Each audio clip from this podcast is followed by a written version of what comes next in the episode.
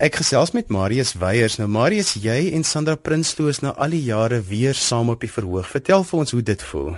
Dit is te wonderlik man. Jy weet skielik besef jy 28 jaar het verloop wat ons nooit teenoor mekaar gespeel het nie.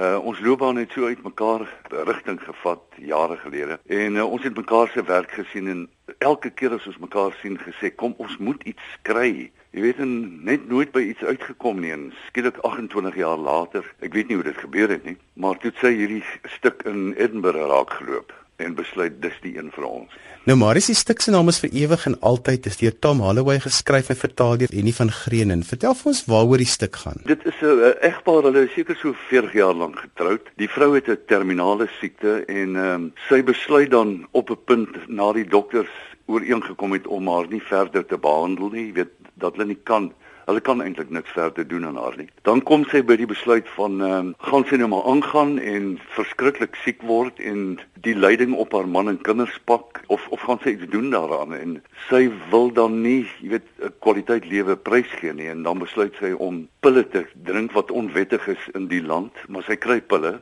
En dan is dit die laaste aand van haar en haar man met terugflitsse na wat vroeër gebeur het jy weet waar sy die man moes probeer oorhaal om saam met haar in hierdie ding in te gaan. En dis natuurlik verskriklik moeilik vir hom want hy wil hy wil haar nie verloor nie. En hy het ook uh, godsdiens oorwegings uh, hy voel dit verkeerd. Maar die stuk begin by die laaste aand waar hulle wag vir haar om nou aan die slaap te raak en dan is daar terugflitsse na gelukkiger tye vooraf en die die konstruksie van die stuk is geweldig interessant en dit raak 'n mens jy weet want ek dink soveel mense het te doen met familie of vriende wat wat hierdie besluit moet neem of wil neem en so dit eh, dit raak mense geweldig. Ek het die stuk gesien by KAK dat dit daar geopen het en wat vir my so opgeval het van jou spel is is dat jy die karakter baie stil speel en dit was was dit 'n spesifieke besluit wat jy geneem het. Soveel van die goed is intern en uh, die die gevoel wat 'n mens wil hê is dit dit speel af in 'n slaapkamer en kombuis en 'n mens wil daai gevoel hê van dis baie privaat wat daar aangaan en dat die gehoor eintlik as toevallige kykers inkyk deur die vensters van wat aangaan by hierdie mense. En die gesprekke wat jy en Sandra gehad het rondom hierdie twee karakters wat nou laat in hulle lewe is, hoe het julle die karakters ontdek? Jy weet wat so lekker is uh, met iemand so Sandra uh, saam met wie ek nou baie gewerk het uh, dekades gelede is dat ons het so geskiedenis agter onsself en ons ons ken mekaar goed. Uh, dit was baie maklik om net te sit en te praat oor die situasie en ek en sy het saam gekyk na 'n dokumentêre film How to Die in Oregon wat wat gebaseer is natuurlik op 'n ware verhaal van 'n vrou wat deur hierdie ding gegaan het met haar familie. Ek hou daarvan om om uit die vuis uit te speel, jy weet dinge te laat gebeur en nie alles uit te pleis vooraf nie.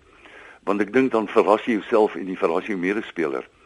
En met haar kan ek dit doen. Jy kan jy praat om die situasie heen en dan as jy ingaan dan laat waai jy en jy jy uh, maak dit so reëel as moontlik en dan ontdek jy dinge van mekaar. Sy reageer op my en ek op haar en en uh, maar jy kan jy kan dit doen met iemand met wie jy baie goed oor die weg kom en uh, wie wie se ritme ooreenstem met joune.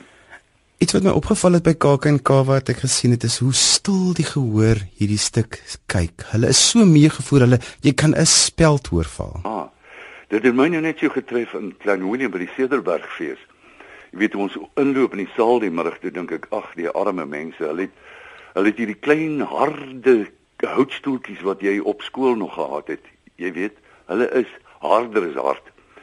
En ek het toe gedink oh, ons sal die mense nie kan kwaadlik neem nie maar hulle gaan rondskuif. Dit was choopstil.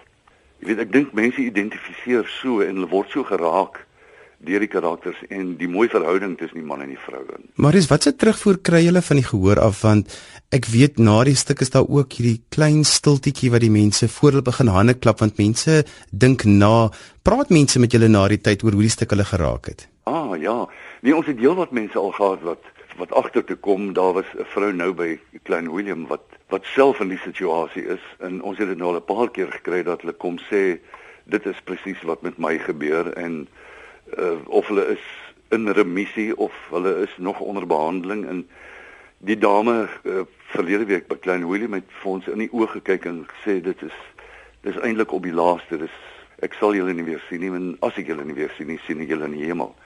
En en ook mense sit na die tyd in die in die saal hulle vir hele rukkie voor hulle uitgaan. Nou wanneer 'n mens 'n um, karakter speel of in 'n stuk speel waarin karakters met hulle sterflikheid gekonfronteer word, het dit op 'n mens self 'n impak op jou op jou eie lewe?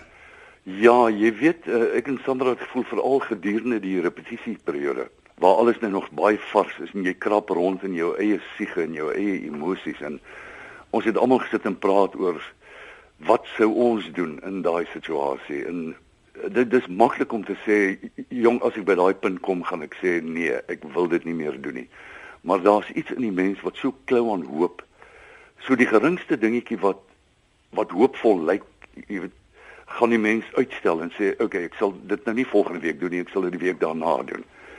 Ons wil nog so 'n bietjie klou aan die lewe en ehm uh, maar in oh, ons was in trane jong omtrent elke dag. Daar was tye wat Sandra so gehuil het ons moes ophou En maar dan sodra jy dit begin speel, word jy nog geraak deur die emosies, maar jy's meer in beheer.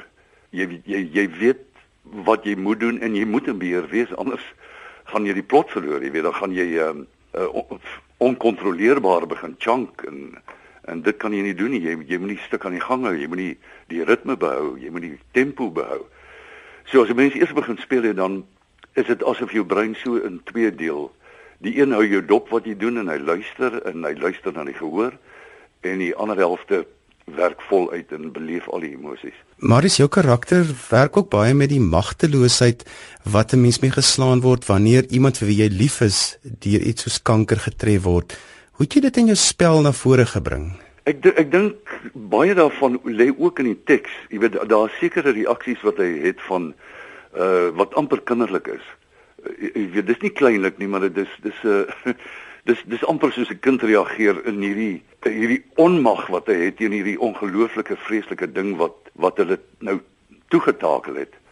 Waar hy byvoorbeeld op 'n stadium heeltemal die kluts verloor en en vir haar sal sê man jy wil my net los. Dis dis hoekom jy wil doodgaan. Jy jy's moeg vir my. Jy jy jy het my nie meer lief nie. En maar behalwe dit dink 'n mens maar jou in die situasie in hoe sou ek reageer het as ek in daai situasie sou gewees het? Hierdie stuk speel by die Belwel Burgersentrum van die 13de Mei af en Marius, wanneer laas het jy daar opgetree? Weet jy nog nooit nie. So, ek sien baie uit daarna. Sommer het nou heelwat daar gespeel. Nee, ek sien baie uit daarna. En Henny het ook 'n interessante ding gereël, ehm um, dat ons die twee Sondae wat ons daar speel het, ons matinees, 3:00 in die middag en ek dink dit is 'n goeie idee vir mense wat nie hier in hierdie koue nat wintersaande wil uitgaan nie, kan op 'n lekker sonnige Sondagmiddag gaan sit.